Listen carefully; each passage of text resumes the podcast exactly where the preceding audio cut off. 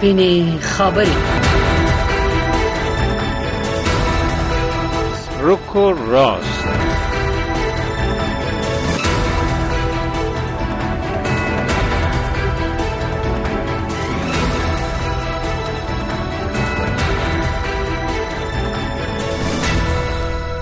امریکا غاښنا رادیو قدرمنو اوریدونکو السلام علیکم. هیله د چې ټول روغ جوړ خوشاله اوسئ د روکراسیا سپینې د خبرونه ته بخیر اغلاست زه وحید فیضیم او په دې خبرونه کې له ما سره زما همکار رویا زمانی هم ده.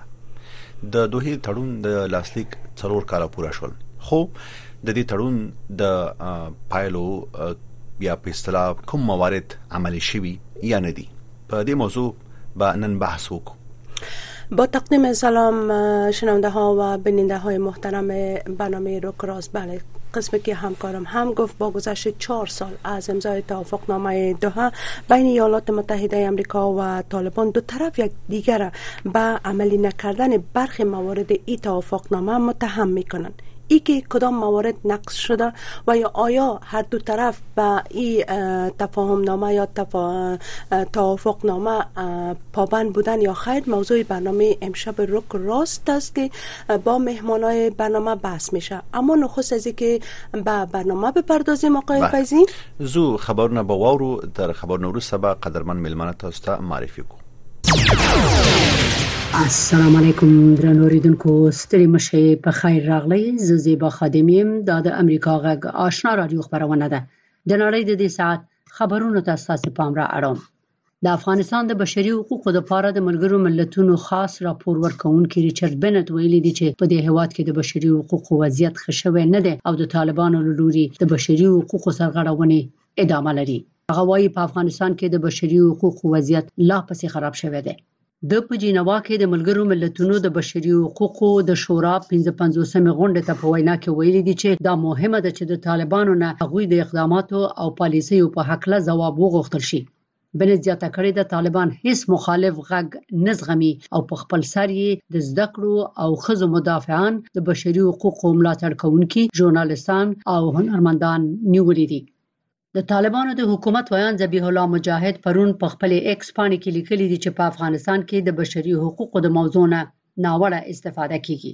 هغه ویلي دي ریچارډ بنت او نور غربیان دي د بشري حقوقو ریښتینی ملاتړ وکړي.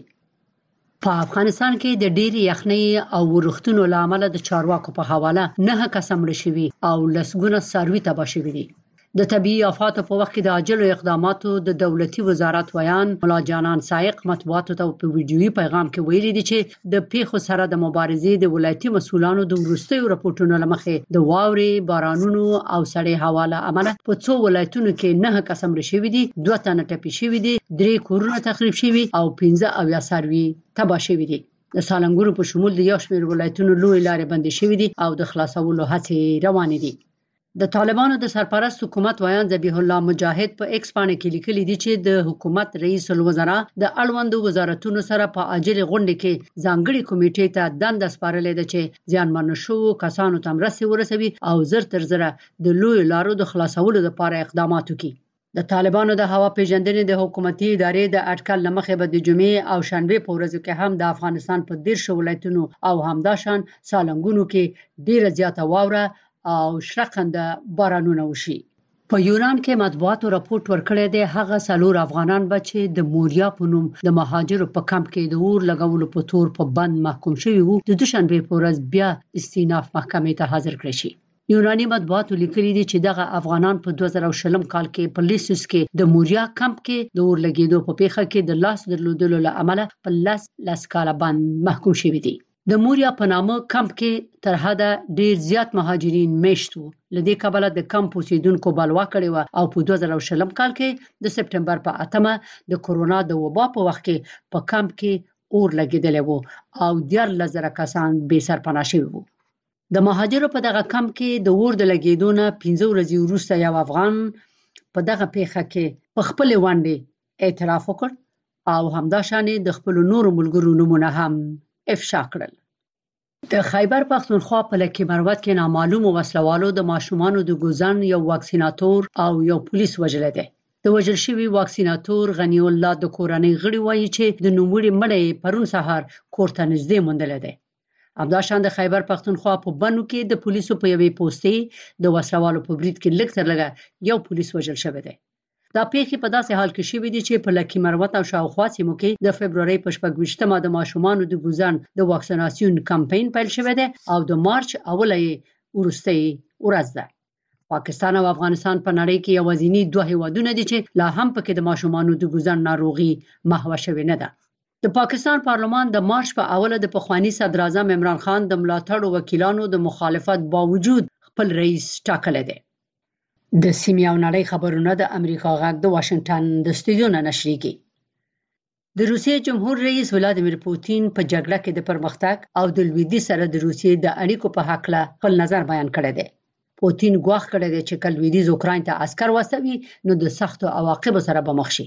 پوتین د غوینا په داسې حال کې کړی دی چې سکم درې هفتې وروسته په روسیه کې د جمهوریت ریاست انتخابات کیږي او په اسانۍ سره به د انتخابات وګټي ځکه چې رقیب نه لري پوتین یو ځل بیا هم په خپل پخوانی خبرې ټینګار کړی دی او ویلي دی چې د روسیې د ملي حاکمیت د دفاع په خاطر په اوکرين باندې يرغل ته اړتیا و خاغلی پوتین په دې وینا کې چې د روسیې پارلمان یا دوما دواړو جرګو غړو ته وینا کوله په لویدي ستور پورې کړی دی چې روسیا د وسلو په سیالۍ کې ښکیلوي او هڅه کوي چې دا هیواد په ګوندو کې د امریکا د متحده ایالاتو د اساسو د جرګې او د سنا د جرګې یعنی کانګرس د پنځشنبه په ورځ د فبرवरी په 9مه یو بل لنمحاله لایحه تصویب کړه. د دې تصویب لمخې د فدرال حکومت د زنو ادارو فعالیتونه د مارچ تر 8مه او د زنو نورو د مارچ تر 22مه پورې ادامه لري. دا په تیر څو میاشتو کې څلورم ځل دی چې د حکومت د زنو برخو د بندیدو لپاره لنمحاله بودیجه تصویبېږي ټاکل شوې ده چې کانګرس یو اشاریه شپږ ټریلیون ډالر کلنۍ بودیجه تصویب کړي. او په اتریش کې یو خزه له دې کبله په شل کال زندان محکومه شوې ده چې خپل زوی د سپي په یو کوچني قفس کې قید او شکنجه کړی دی. زیبا خادم امریکا غږ واشنگټن متضاد اړخونه بیلابیل دریزونه د سپیناوي تود مخامخ بحث او په اخر کې قضاوت ستاسو پر مهمو سیاسي امنیتي اقتصادي او ټولنیزو مسایلو. د افغانستان سیمه او نړۍ باندې د جوړ چیرنیز بحث مهمه ونیزه خبرونه هایل. د هرې جمعې په ورځ د افغانستان په وخت د ماخام ونیمونه تر اته بجو پورې. د امریکا غږ د سټلایټ للاري په ژوندۍ بانه هایل. د امریکا غږ د روانو چارو نوي ټلویزیونی خبرونه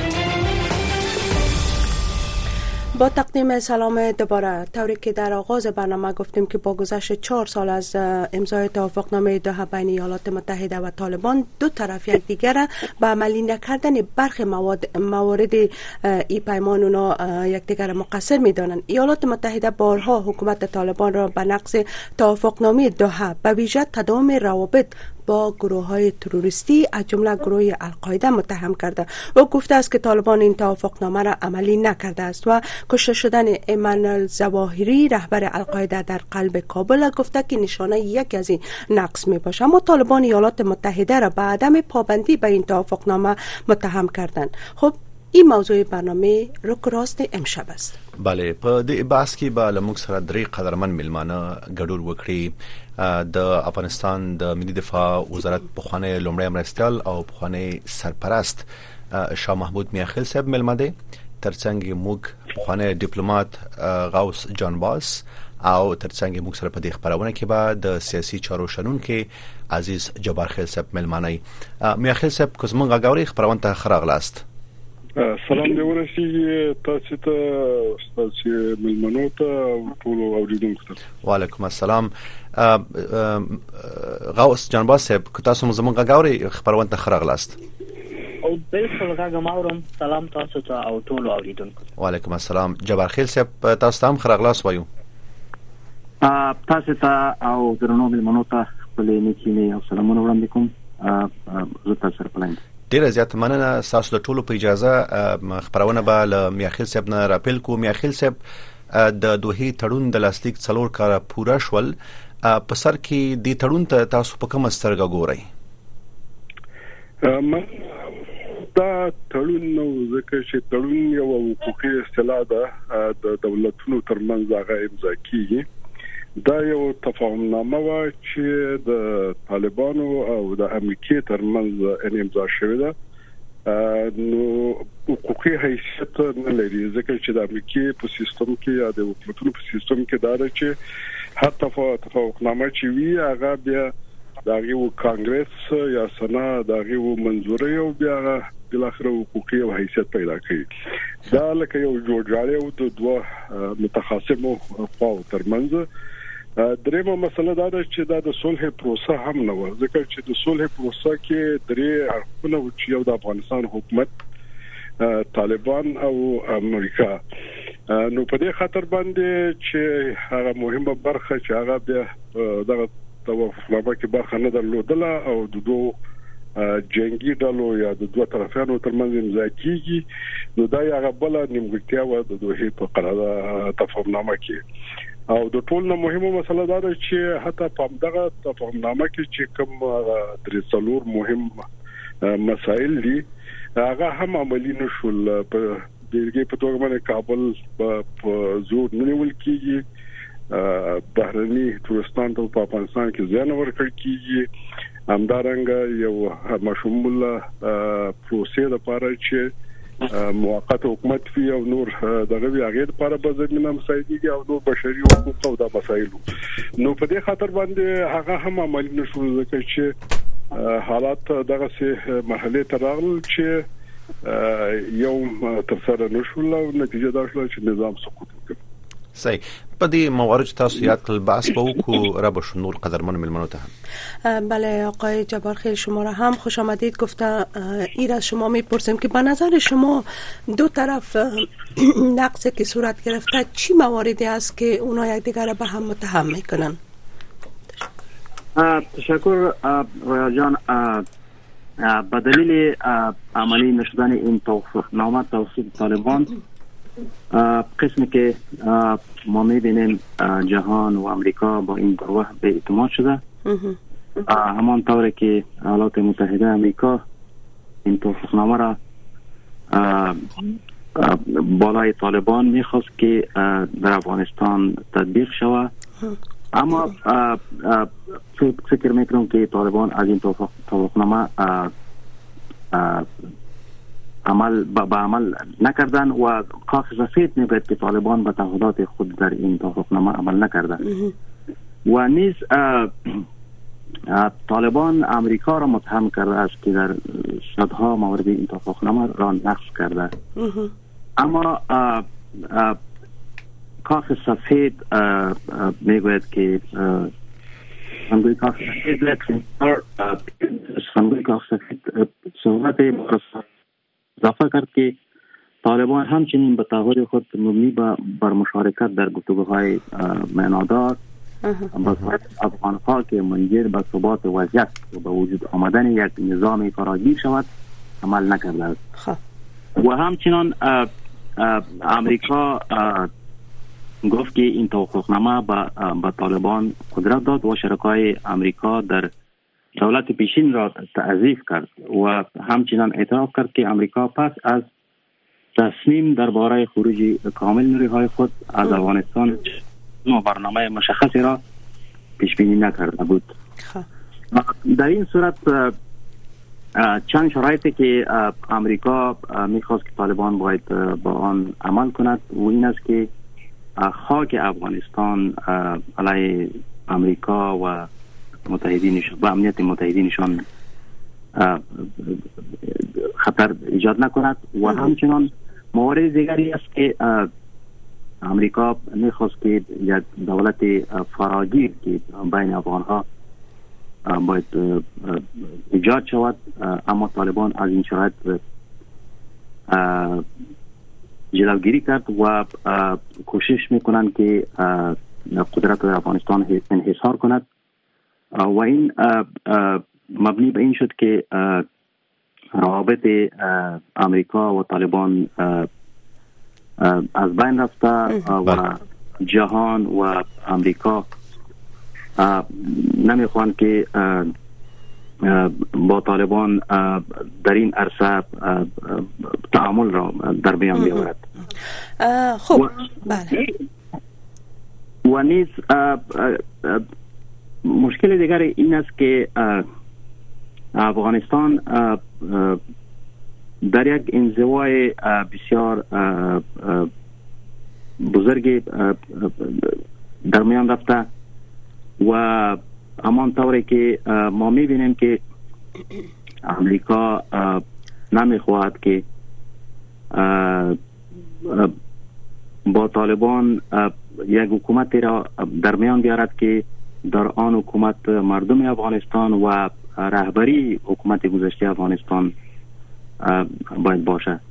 دیگر عواملی هست که طالبان کوشش می‌کنند که قدرت را انحصار کند و با مردم افغانستان با رهبری حکومت گذشته افغانستان با جهان و امریکا تعامل نمی کند تشکر بله آقای جبرخیل به شما برمیگردیم. آقای جان باز از شما می‌خوایم بپرسیم که نظر شما و شما در مورد این توافقنامه چی گفتنی دارین و همچنانی که چرا هر دو طرف یک دیگر متهم به نقض موارد این توافقنامه می‌کنن یک دیگر متهم یعنی می‌کنن خب سلام خانم زمانی به شما.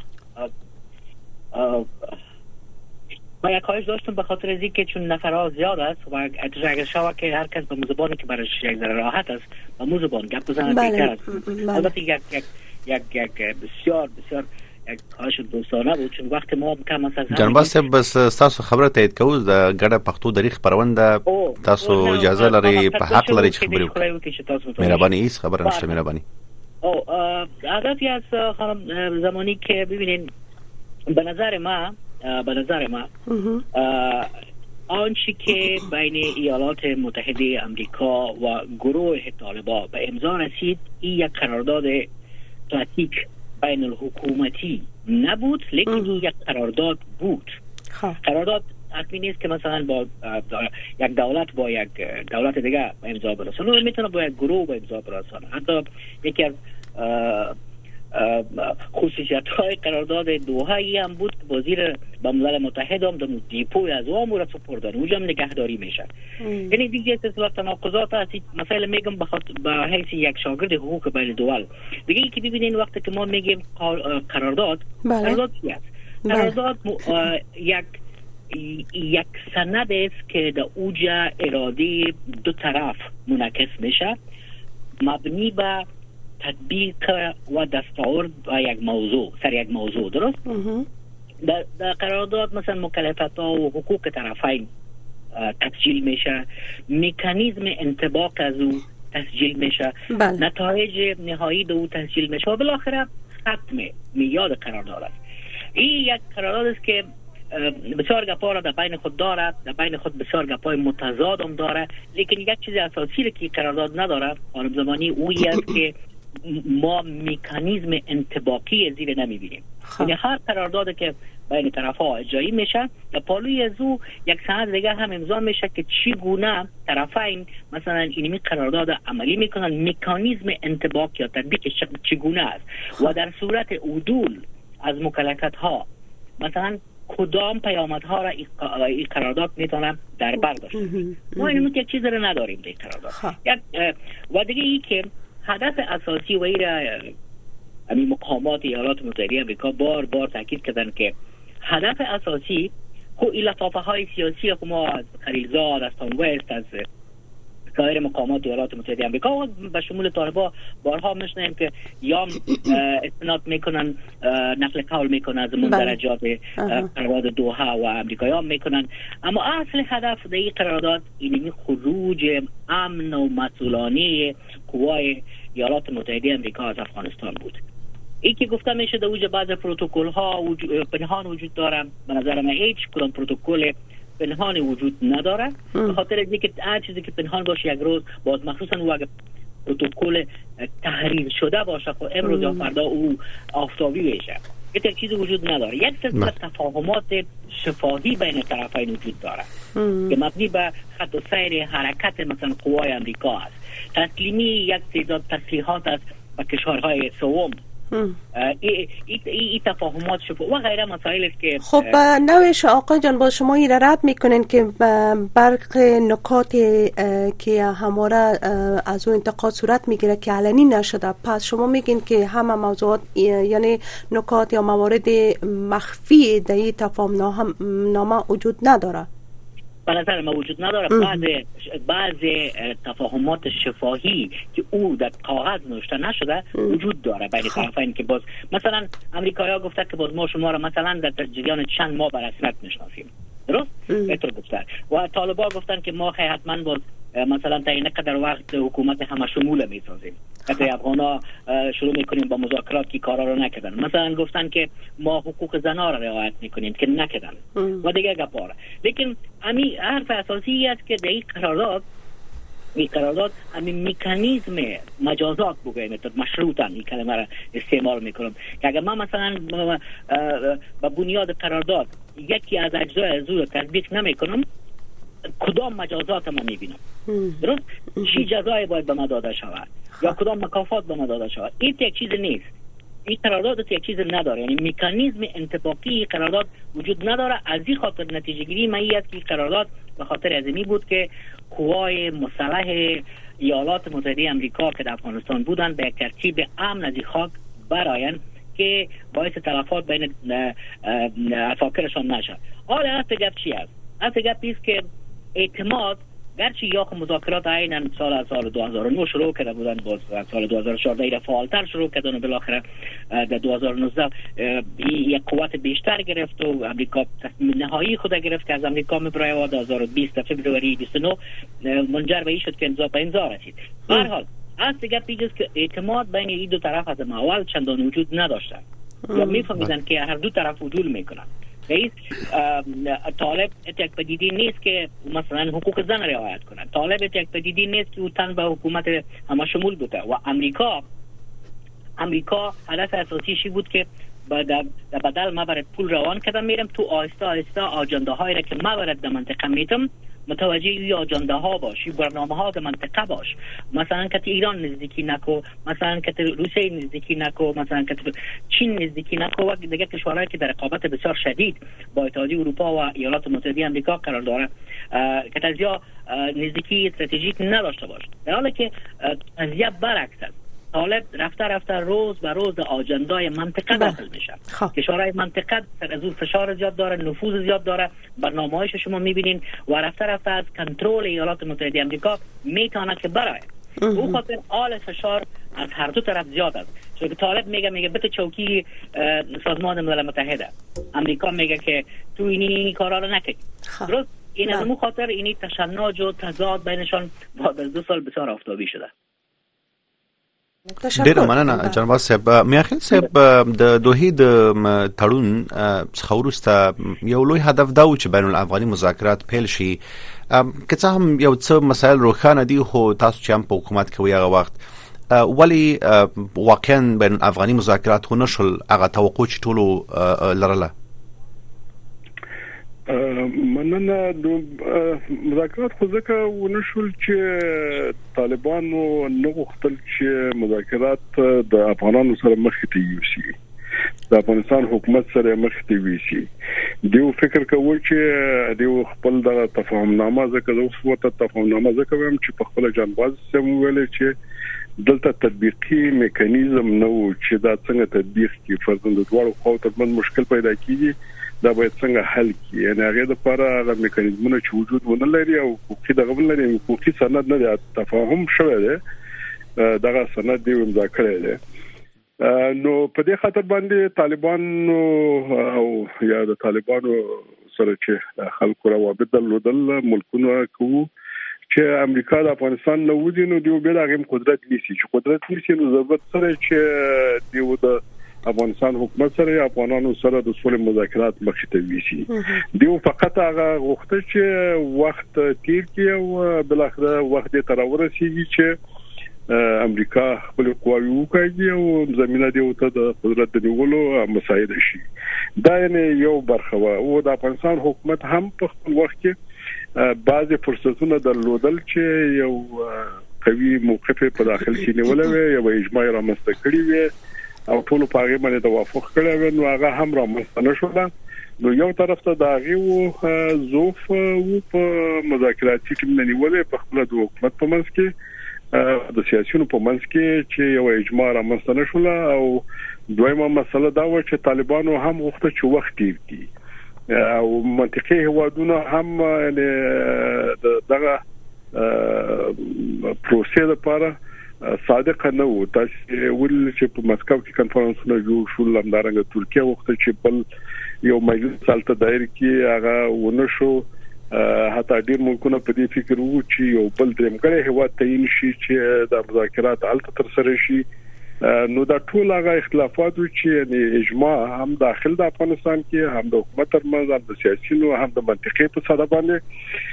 او هم د دنیا په ساده باندې موجود نه و حتی په خپل د امریکای په سیستم کې یعنی ټول په یو نظر نه و چې دا امضا کی ځکه د امریکا د امنیت مشاور مک ماستر د په خپل دا خبره وکړه چې دا یو د تسلیمي قرارداد دی. همدارنګه دلته وزارت دفاع یا د دې سیاسي برخه ته په خپل وزارت خارجه د امریکای د سره توافق نه درلود. اما د رئیس جمهور تصمیم چې ویني وو او د چوزي د خپل قواو د وټلو لپاره نو په دوه تفاهمنامه لکه څنګه چې جنیوا قرارداد امضا شو چې هغه د شوروي اتحاد د وټلو لپاره او د امریکایي قواو د وټلو لپاره یو تفاهمنامه او نتیجه هم دا ده چې د افغانستان مشکل یې حل کړي ځکه چې افغانستان کې یو مشروع قانونمن حکومت رامنځته نشو بې ثباتی شته په افغانستان کې فقر شته چې په رسمیت نه پیژندل ګولر څنګه چې جنیوا قرارداد د افغانستان مشکل حل نکړ جنگ دوام پیدا کړ دا غیله همدغه سي د قرارداد هم د افغانانو لپاره په دبلو خبره دا ده چې منطقه او دنیا چې هر څه کوي افغانانو لپاره دا قرارداد خو خراب و؟ دا موږ لپاره مهم دی. نو موږ لپاره دا قرارداد استفاده وکړو آقای میاخیل می‌خوایم از شما ما یک سوال بپرسم. این است که خب همواره مردم و بعض چیره های سیاسی آگاهان امور سیاسی تحلیلگرا ایره میگن که در جریان مذاکرات که در 19 18 19 ماه که صورت گرفت آقای خلیلزاد به گونی که اطلاع رسانی می‌کرد به مردم از جریان این مذاکرات اونا اطلاع رسانی نکردن. به نظر شما حتی گفته میشه که اشرف و عبدالله هم گفته بودن که اونا در جریان نیستن. شما چی فکر می‌کنین که چرا به قسم درستش اطلاع رسانی در زمان یا در جریان مذاکرات صورت نگرفت؟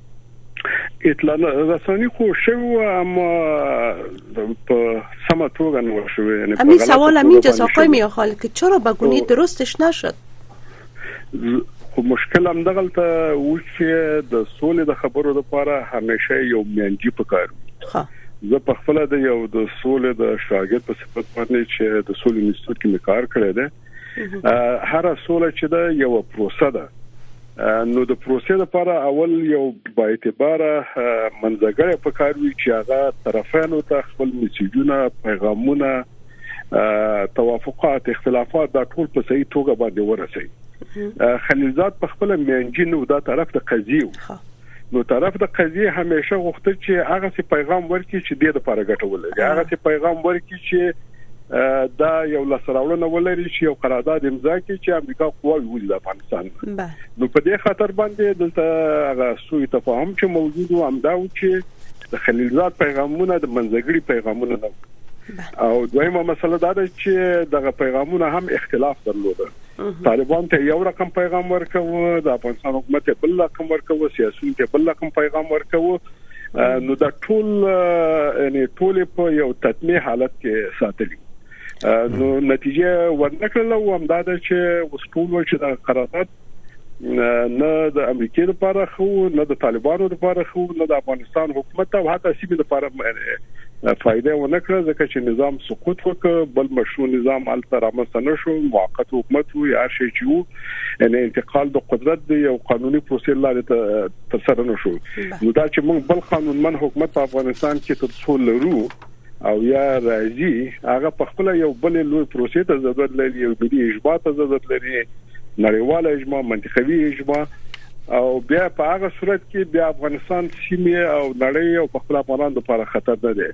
چې هم دغه سی یو غیر قانونمند او غیر مشروع ډله الته حاکم وي نو دا د افغانستان هم افغانانو لپاره خطر دی هم د سیمې لپاره او هم د دنیا لپاره. یعنی هغه اهداف چې د افغانانو لپاره او د منطقې لپاره او د دنیا لپاره دغه قرارداد لا سره نه وي تشکر شما. ډیر زیات مننه مې اخر صاحب. جبار خل صاحب د دوه تړون نه وازدا چې په اصطلاح پایلو او نتایج ته میاخیل سبا او جناب صاحب هم اشاره وکړه مخکې. د سیمې په کچه ته تغییر راوست تاسو په نظر؟ ا د ما په نظر ګوري اول خو دا خبره وکړه چې د افغانستان حکومت په امریکا او طالبانو په دوړو جنوب باندې باور کول دا وخت تیر ډیره غټه لوی تیر وطن و هغه داسې د افغانستان حکومت په توګه مذاکراتو کې کومه کچه باندې ګډون ونه ک او نو ته حق ورکول شو. راځم دې ته د طالبانو راتګ د د د هغه ته ورسېدل چې دوی د قدرت حصار ته مخه کړه او د دوی ځینې مشران چې هغه په قدرت باندې مین خلک دي. او په لوی کچه کې د دې نتیجه دا شوه چې د افغانستان د تیر حکومت رهبرۍ سره د تعامل ونه ک او د یو ګډ شمول حکومت د رامنځته کولو په برخه کې دوی هیڅ اقدام پورته نه نو دا هغه ټکی دی هغه موارد چې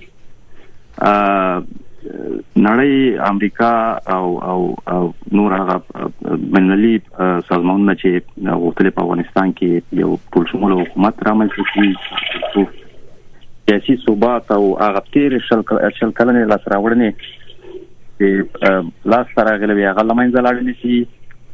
دا هغه څه چې ټول اړخونه په طالبانو باندې ور لاس ورک او په لوی کچه باندې افغانستان د سیمې او نړۍ په کچه باندې نړۍ په کچه هغه منځوي یعنی انزوا خو تعالی نو راځم دې ته چې طالبانو خپل خبرو کې هغه دوی په لومړی کې راغلو دي دا خبرې وکړي چې موږ افغانستان ته د تمدن او د حکومت خاطر حکومت ولې خاطر نه راغلي. یعنی د دلته موږ فراخ حکومت وکړو او او هغه څه نړۍ موږ نه غواړي هغه ته موږ مخ کو نو د ما په نظر دغه یو مذهبي ډله ده او دوی حکومت ولې او تمدن تجربه خلک نه دي. بل خبره دا ده چې موږ تاسو ګورو چې د دې راتګ نه ورسته د القاعده مشر ظاهري کابل کې وزل کیږي او ټول نړۍ په دغه باندې خبرېږي. نو دا هغه څه دي چې طالبانو د دغه تفاهم نامې یا تړون هغه شرایط چې باید عملي کړی وای عملي نه کړل او په لاسي افغانستان د سیمې او نړۍ په کچه باندې هغه منځوي کې او د انزوا خواته او او د دې zarar څه دا یعنی د دې zarar د افغانستان خلکو ته رسیدي افغانستان خلک لدینه متضرر شو. ځکه چې د کار زمينه لمنځه لاړه چې حکومت کې کومې شل کلنې را سره وړنې مېستر غلي بیا لمنځه لاړلې.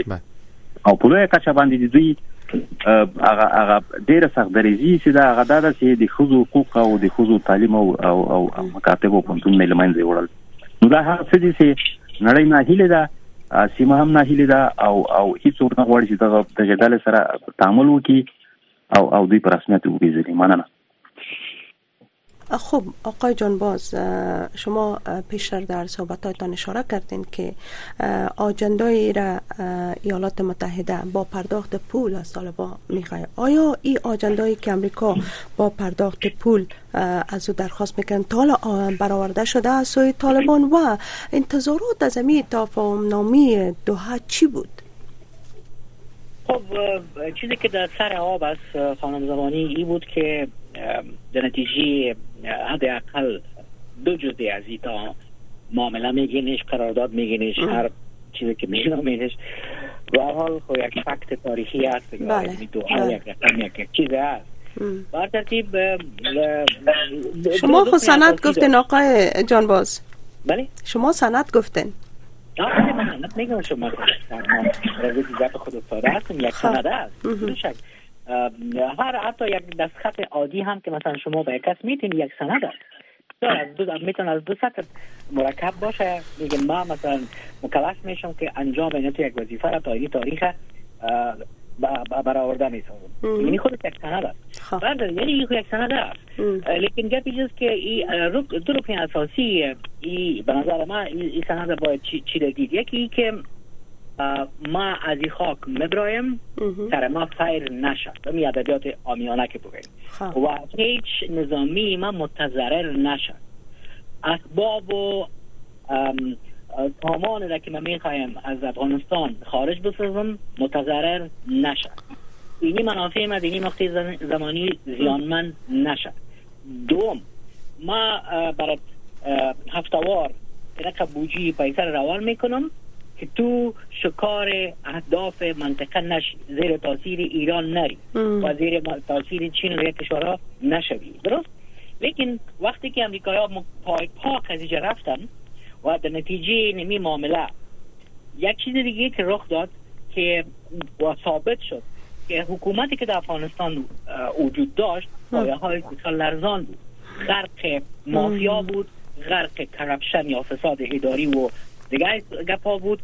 اتحاد نظر به این حکومت اصلا دیده نمی‌شد. این حکومت با دو حسی بسیار نامتجانس که اهداف بسیار بسیار متضاد و ضد یکی دیگر عملی می ساختن این حکومت فرو باشید و یک داد از می رئیس بای ما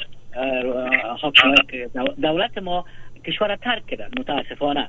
و در نتیجه از او ما شما دیدیم که همونطور مثل همو پرنسپ دمینا یک ولایت پشت دیگه ولایت سکوت کرد اردوی ما خدا نخواسته اردوی بسیار قهرمان داشتیم لیکن ما دیدیم که همه چیز با یک گسست عجیب و غریب مواجه شد و فرو پاشید. نظام فرو پاشید اردو پلیس استخبارات همش همش فرو پاشید و دینمی بهبوها دینمی حالت آمد آقای طالب سر کار و این راستی که احساس کرد که دیگه شما می ادبیات از ببینید یا اینقدر جاهل هستن که میگن ما افغانستان فتح کردیم. بعد از فتح یعنی اینقدر احمق باید باشی که تو نفهمی که چطور می‌تونی تو کشور خود فتح کنی. خاکت است. تو برو پاکستان فتح کن. تو برو نی؟ تو برو طرف پاکستان یک بناز که سر سر تبله می‌زنن یعنی اما تو می میگی که کشور خود فتح کردیم. به حال یا آمدن بینیمی غرور و تکبر و نفرتی که داشتن از هر چیزی که دولت داری نامیده میشه طالبانیزم سر افغانستان حاکم کردن. اونمو طالبانیزم روستایی روایت روستایی بسیار منحته و او رو می‌خواین حال از یک, یک چیز به نام امارت بسازن. و نتیجه اونمو گفتم توافقات شفاهی که با امریکا داشت امریکا گفته بود که من برای یک مدت نامعلومه بوجیگه کار هر هفته روان می‌کنم. تا تو بیخی از کار نفتی و کسای دیگه سر تو بازی های دیگر منطبق نسازه. لیکن لیکن بازی تغییر کرد خانم زمانی. بازی تغییر کرد. کشورهای منطقه کشورهای مقتدر شدن. چین آلی و چین ده سال پیش نیست. ایران تبا دیگه تبا صاحب, صاحب اسلحه اتمی میشه. فدراسیون روسیه آسیای مرکزی این کشورهای مدار منافع استراتژیکش است و به هیچ صورت نمی‌گذاره که مثلا این منطقه از کنترلش برای دکترین خارجی شما ببینین این مستجل ساخته که این منطقه منطقه منافع ملی ما است. خب. و افغانستان ما می‌خوایم یک کشور بیطرف ببینم و ناتو ایالات متحده امریکا که 20 سال البته ما نقل قول می‌کنم. اینجا بودن یا افغانستان خراب ساختن تقریب کردن به منافعش ضرر رساندن یا فقط و فقط باید که جبران خساره کنن و در پروسه سیاسی زیداخل نباشن. این آجندای کشورهای منطقه است حال زمانی. و کشورهای منطقه از اینمی برمی آیند به فرمول عمل می‌کنن. آل طالب آمده دینمی تو یک آتش خود انداخته که اون منطقه است و فرا منطقه است. خب. درست؟ اینا از این کسی می‌بره با این عقل خامش. با این ملایزمش خب برآمده نمی‌تونه. خب. اونموز که از هر طرف سر فشار است. حقوق زن نمی‌کنی. حکومت ملی ایجاد نمی‌کنی. معظمی کلمه همه شمول خوشم نمیاد. حکومت مسئول ایجاد نمی‌کنی. خب منطقه هم برش میگه که این افزایش چرا؟ آقای آقای جان باز همه شمول شما نمی‌خواین. در حالی که همگی تاکید بر یک حکومت فراگیر و همه شمول در افغانستان هستند ببینین ما می‌خوایم میره توضیح بزن شما. ما از دل جان طرفدار یک حکومت متنوع در افغانستان هستم. لیکن من نمی‌خوایم که مثل سابق ور شرکت سهامی در افغانستان به وجود بیاید. که هر کسی با سهام خود بیاره از قبیله خود بیاره از حزب خود بیاره حتی از قریه خود بیاره. شما یک معاون دوم ریاست جمهوری داشتین که فقط و فقط از مو ولسوالی و ولایت خود کلگی رسانده بود در دفترش. قسم خود نمیشه که دیگه بگیم همه شمول. همه شمول یعنی مسئول. بگذار تمام وزرا به نظر من تمام وزرای افغانستان از برادران هندو باور ما باشد سکه ما باشد. بله. مگم ظرفیت ها دیده میشه آقای جان باز خب بس. لیکن کسی باشه که در حکومت مسلکی باشد ظرفیت کار داشته باشه. دستش در فساد و در دزدی و در مسائلی که بر ضد منافع افغانستان از دوزی داخل نباشه. و یک برنامه بله. واحد باید در حکومت یک برنامه واحد باید وجود داشته باشه. اگر ما حکومت ائتلافی را ایجاد می‌کنیم در آینده زمانی که هم, هم یک, یک قسمتش مورای هم همو شمول هم می‌تونه داشته باشه. حکومت خب. می‌تونه ائتلافی باشه لیکن برنامه باید یکی باشه. دیره من برنامه من متفاوت از برنامه وزیر پلانم باشه. خو امکان نداره. ډیره زیات مننه جناب صاحب کو تاسو خبره می قطع کړم او سی بخنه غواړو. میاخیل صاحب جناب صاحب خپل خبرو کې ویل چې ولایتونه یو بل په سقوط کوي. تاسو دفاع وزارت کې وی دا خبره تاییدوي چې اردو په اصطلاح کمزوري و او کدا چې کمبل دلیل درلود. اول خو په دغه سقوط وخت کې خو په افغانستان کې نو وظیفه کې ما کار نه کوم ځکه چې شپږ میاشتې مخکې ما وظیفه پرې غوسه و او پرونه ما یو مقاله لیکلې و چې د افغانستان سقوط د پاوز د زوف په اساس باندې نو بلکې هغه د رهبرۍ د تغیراتو په اساس باندې چې د مورال د پوز ضعیفه کوي او واضحه تګلارې د پوز لپاره نه و چې دیو جنگ وکړي ځکه هغه وخت دغه اوازه خبره شوله دیو د مختلف دغهونه چې د دوه تفاهمنامې په اساس باندې نیمایي ولایتونه طالبان ته پریږدي اما دا تشریح نشو هغه وخت چې دا خبره صحیح ده یا نه ده. نو د پوز پراګندا شو روابط قطع شول په دغه کې. هغه امکانات لوجستیکي او هوایي چې هغه د پوز نه قطع شول. نو موږ پښتو کې متل و نن په غل کې یو جنگ په وسله کې نو چې هغه ته امکانات ونرسي دغه نوی نو هغه به جنگ څنګه وکړي. نو په دې خاطر باندې دا یو بیل باس ته چې په د باندې نه طالبانو په زور دغه حکومت نه دی نیولې صحیح د جنگ دوام کړی دی اوس فرض په نګرار کې ولیومه یو پوسټ طالبان ونیول شو په یو دیم کال کې. نګرار دوه شول سوالونه چې مخکې نه د جالبات خار د سقوط په حالت کې ټول نګرار امن شو. د طالبانو حکومت دومره نو چې دی ولایت تهدید کړی شي یا حتی ولسوالۍ تهدید کړی شي یوازې سارک پاتې چې هغه به ورسته و هغه ته ورسېدل نو په دې خاطر باندې د قوت مثلا دلته یو سیاسي بې ثباتي رامنځته شول یو اختلاف تر نظر موجود وو د معاملې په ساده باندې داخلي منطقي ټول نتیجه دا شو چې نظام سقوط کیندا یو سیاسي شکل سو نظامی شکل نو ځکه و همیشه چې د د پاوز یو وسیله ده. ته یو سیاسي هدف لاس راوړي نو چې سیاسي هدف ته معلوم نه وي او یوازې اتکا په پوز باندې وی هغه نشي کېدل د حکومتداري په بحث کې هم دار چې امنیتي ادارې ملکی ادارې په خپل ولس د ټول د نظام په ثبات کې رول لري نو زه فکر کوم چې دا نظامی شکست نه ټول تقریبا ټول خلک په دې باندې عقیده لري اکثره متخصصین چې دا یو سیاسي شکست او د یو معاملې په شکل باندې طالبان قدرت ته ورسېدل. البته دا ان دغه سقوط د نظام د سينو چې دا په دې لاس ورځو کې bale دا تاسو د خبرو ټول دغه دا چې اردن یعنی په اصطلاح شکست نه ده خورل بلکې سیاسي لحاظ افغانستان او شکست شو دا یو مجموعي ناکامي هم د افغانانو لپاره و هم د منطقې لپاره او هم دنیا لپاره و حتی د امریکا لپاره هم یو ناکامي و مې خپل تاسو په خپل خبرو کې مخکې ویل چې مشروع نظام یا حکومت رامنځته شي ک لړن په دې اړه یو تبصره وکي به بلار شو خپل دوه قدرمنو ملمنو ته خبرونه مې ورسېو د قیتو نزدیکیږي چې مشروع نظام څنګه رامنځته کیږي زه خپل د هم شموله حکومت هم مخالف ما ځکه همیشه ما خبرو کې تاسو اوریدلې زه د یو هم شموله پروسې طرفدار یم چې ټول افغانان په هغه کې برخه ولري او خپل حکومت او نظام ته کې د یو نظام لپاره اولینه مسله دا ده چې یو قانون پکار دی به قانوني خلا کې د قانون د قانون په نه موجودیت کې د نشي کولای چې مش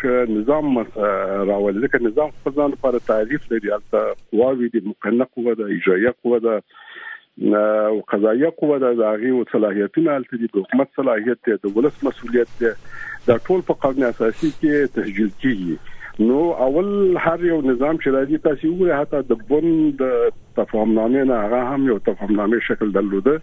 البته دی ویل چې د پاچا د ماده نه په غیر د 1930 شپږم قانون نه په افغانستان کې عملی دي تر څو چې بل اساسي قانون جوړیږي. نو موږ داسې یو انتقالي مرحله ته ضرورت لرو چې یو قانون اساسي باندې توافق وشي چې دغه د آماده دي اصلاح لپاره موږ دغه پروسه مخکې کله چې قانون رامنځته شو په هغه کې بیا د حکومت طرز په هغه کې انتخابات د مشرعين د حکومت مسولیت دا ټول پکې ریوازي کیږي نو موږ ځکه یو چې دغه سی یو مشموله پروسې لپاره موږ ضرورت لرو او دغه مشموله پروسې کې ټول افغانان پکې برخه ولري. نو په هغه صورت کې موږ کولای شو چې یو بساطه مشروع قانونمن حکومت وی چې هغه سهامي شرکت نه وي هغه په خپل کار اهلکات ول تسپارل کیږي او بل اخره د ملک د ثبات لپاره د ملک د حکومت ولې لپاره د پرمختګ لپاره د خپل پلان وضع کوي نو په دې خاطر باندې اساس چې یو قانون اساسي دی. چې په هغه توافق ونشي او هغه موجود نه وي نو په خلا کې نظام نه جوړیږي. په خلا کې هم شموله پروسه نه جوړیږي. دا د نور چې هر څه کې هغه معاملې دي او معاملې نتیجه نه ورکړي افغانانو لپاره. ډیر عزت مننه جبار خل صاحب تاسو راځو کولن جواب تاسو نه ولرو چې څومره راتلونکي تاسو هیلمان یاست چې افغانستان دغه وسنی وضعیت نه وتلی شي سوال مانو جبر خان صاحب بلکې تاسو نه پوښتنه وکړه. خبره دا ده چې لکه څنګه چې دلته ملمنو قدرمنو ملمنو موازه ټکو ته اشاره وکړه. هغه دا دي چې کچیرته طالبان د دوه تړون یا تفاهمنامه غواړي چې په افغانستان کې عملي شي نو په لومړي قدم کې باید بین الافغاني خبرې پیل شي مذاکره پیل شي ترڅو یو ګډ شموله حکومت ته لار پرانیستل شي او دا هغه څه دي چې نړیواله ټولنه او امریکا غواړي په افغانستان کې. نو خبره دا ده چې طالبان باید د قدرت له انحصار نه لاس واخلي او پریدي چې د افغانستان خلک فیصله وکړي.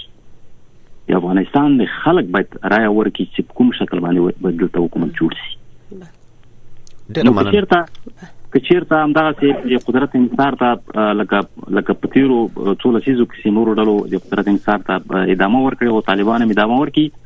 زه فکر نکوم چې افغانستان ثبات ته ورسیږي. افغانستان به همداسې لکه څه د سیمې او د نړۍ په کچه منځوي ده منځوي پاتې سي او دا هغه څه دي چې د افغانستان د سیاسي جغرافیه ته لاسوال لاندې راځي.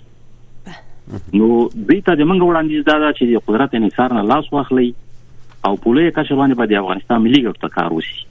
او دا هغه څه چې د افغانستان خلک هم غواړي او او نړیوال ټولنه مغوړي مننه. ډیر آقای جان باز یک نیم دقیقه وقت داریم. چگونه میشه که دو طرف بنوی از آنها به تطبیق کامل موارد این تف... ای تفاهم نامه یا سنده که شما میگین تشویق کرد یا تشویق میشن اونا از اتهاماتی که بر یک دیگر وارد می‌کنن و یک دیگر به نقص متهم می‌کنن آیا رای حل وجود داره یا خیر؟ ببینید خانم زمانی. نظر ما نظر یک شاگرد حقوق.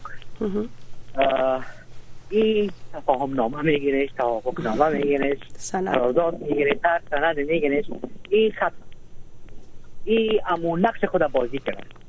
اگر ما از این سند انتظارات دیگه داشته باشیم که این اتخاذ شد و باز پرتب از این این طرف این اجراعات خواهد کرد و اون طرف او اجراعات خواهد کرد.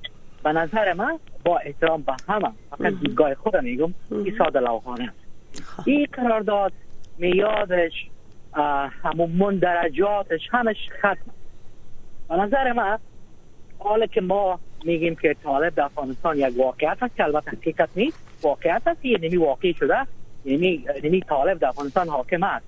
با با با با, با تمام دردی رو میگم. و امریکا موجود داره و من حیث یک یک قدرت دنیا این هم یک واقعیت است. درست بشنن یعنی دو طرف از طرف یک بازنگری بکنن از طرف یک سند دیگه به امضا برسد که در او مخصوصا همین میکانیزم انتباقی از وجود داشته باشه که اگر یک طرف عدول می‌کنه از مندرجات و مکلفیت های خود او به کدام مجازات مواجه میشه؟ در پرتو قوانین بین به غیر از او این قرارداد حتم است این نتیجه نمیتد طرفین آل منافع بسیار بسیار متضاد شده در منطقه در و این قرارداد دیگه عملی نیست یک جهان تشکر آقای جان باز. د ملي دفاع وزارت په خانه لومړی مرستيال او سرپرست شاه محمود میخیل صاحب د سیاسي چارو شنونکو عزیز جبار خیل صاحب او په خانه ډیپلوماټ اغاوز جان باز صاحب تاسو نه ډیر زیات مننه چې په دې باس کې لموږ سره مو ګډون وکړ. بله وقت نشر خبرات شما را دعوت می‌کنیم به شنیدن مشروع خبرهای این ساعت.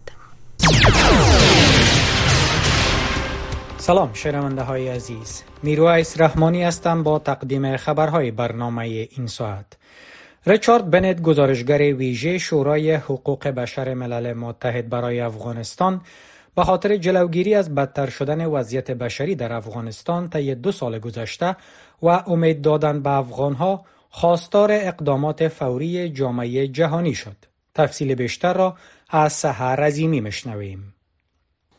ریچارد بنت هنگام ارائه گزارش خود از وضعیت حقوق بشر در افغانستان در 55 مین نشست شورای حقوق بشر سازمان ملل متحد در ژنو گفت که عملکرد طالبان زنان و دختران را از زندگی عادی به حاشیه رانده است. این مقام ملل متحد افزود که در افغانستان زیر حاکمیت طالبان مخالفت های مسالمت آمیز تحمل نمی شود و به گفته وی خشونت و تهدید و خشونت برای کنترل مردم و گسترش حراس توأم با فرهنگ معافیت از مجازات به کار برده می شود. گزارشگر ویژه شورای حقوق بشر ملل متحد همچنان گفت که این اقدامات در کنار بحران اقتصادی و انسانی باعث نفع حقوق اقتصادی اجتماعی و فرهنگی مردم افغانستان شده است به گفته بنت اعدام ها در محضر عام و استفاده از مجازات های بدنی توسط طالبان و گزارش های موثق از قتل های غیرقانونی ناپدید شدن و شکنجه مخالفان طالبان وجود دارد.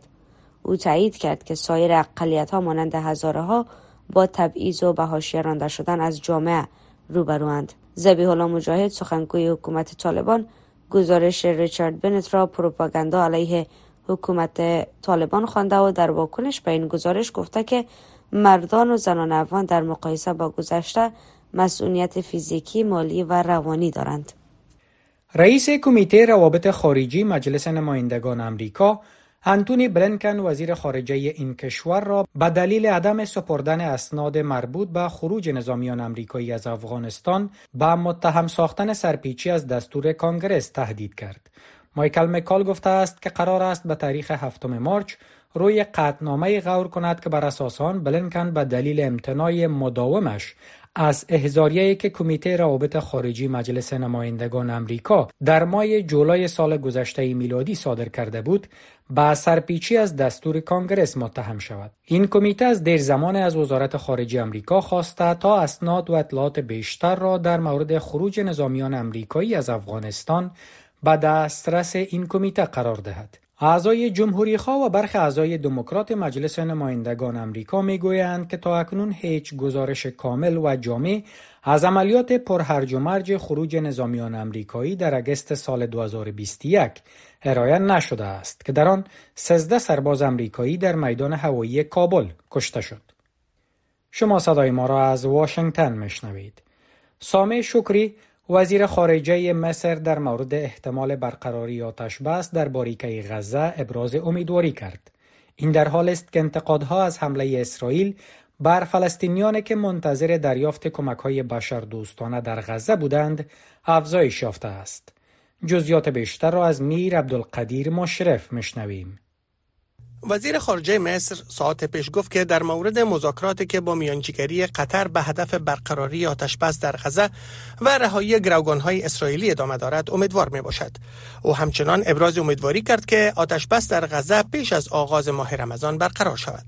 در همین حال برزیل در واکنش تند به کشته شدن بیش از 100 فلسطینی که منتظر دریافت کمک های بشردوستانه در غزه بودند گفت که این اقدام اسرائیل نشان داد که حملات اسرائیل در غزه هیچ مرز اخلاقی و حقوقی ندارد. افریقای جنوبی نیز با انتقاد تند از این رویداد گفته است که این اقدام اسرائیل نقض حکم ابتدایی محکمه بین‌المللی عدالت به منظور حفاظت از غیر نظامیان فلسطینی است. امانوئل مکرون رئیس جمهور فرانسه نیز گفته است که از کشته شدن بیش از 100 فلسطینی هنگام دریافت کمک های بشردوستانه توسط اسرائیل خشمگین است و خواستار تامین عدالت و رعایت حقوق بین‌المللی شد. مقام ها در غزه گفتند که نیروهای اسرائیلی صبح روز پنجشنبه بر فلسطینیان آتش گشودند که در شهر غزه منتظر دریافت کمک های بشردوستانه بودند. اسرائیل گفته است که نظامیان این کشور به دفاع از خود بر روی این فلسطینیان فیر کردند. این اقدام اسرائیل سبب شده تا برخی کشورها خواستار تحقیقات ملل متحد در مورد این رویداد شوند. وزارت صحت غزه که در کنترل حماس است امروز گفت که شمار کشته شدگان فلسطینی از آغاز حملات نظامی اسرائیل بر غزه به حداقل 3228 نفر رسیده و شمار زخمیان به بیش از 71300 نفر افزایش یافته است.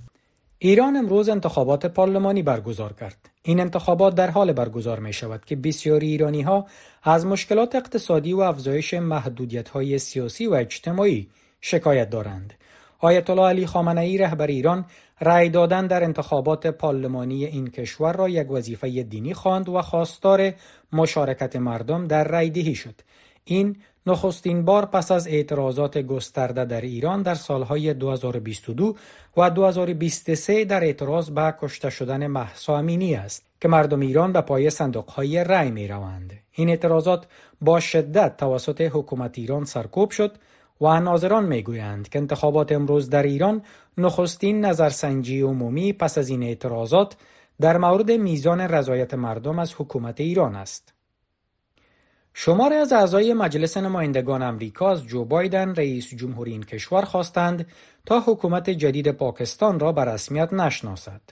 در این نامه که توسط 31 عضو دموکرات مجلس نمایندگان امریکا با جو بایدن و انتونی بلنکن وزیر خارجه این کشور ارسال شده آمده که تا زمانی که تحقیقات در مورد شفافیت برگزاری انتخابات پاکستان آغاز نشود واشنگتن نباید حکومت جدید پاکستان را به رسمیت بشناسد در این نامه همچنان آمده که واشنگتن باید از مقامات پاکستانی خواستار رهایی تمام افراد شود که به دلیل سخنرانی ها و فعالیت های سیاسی زندانی شدهاند.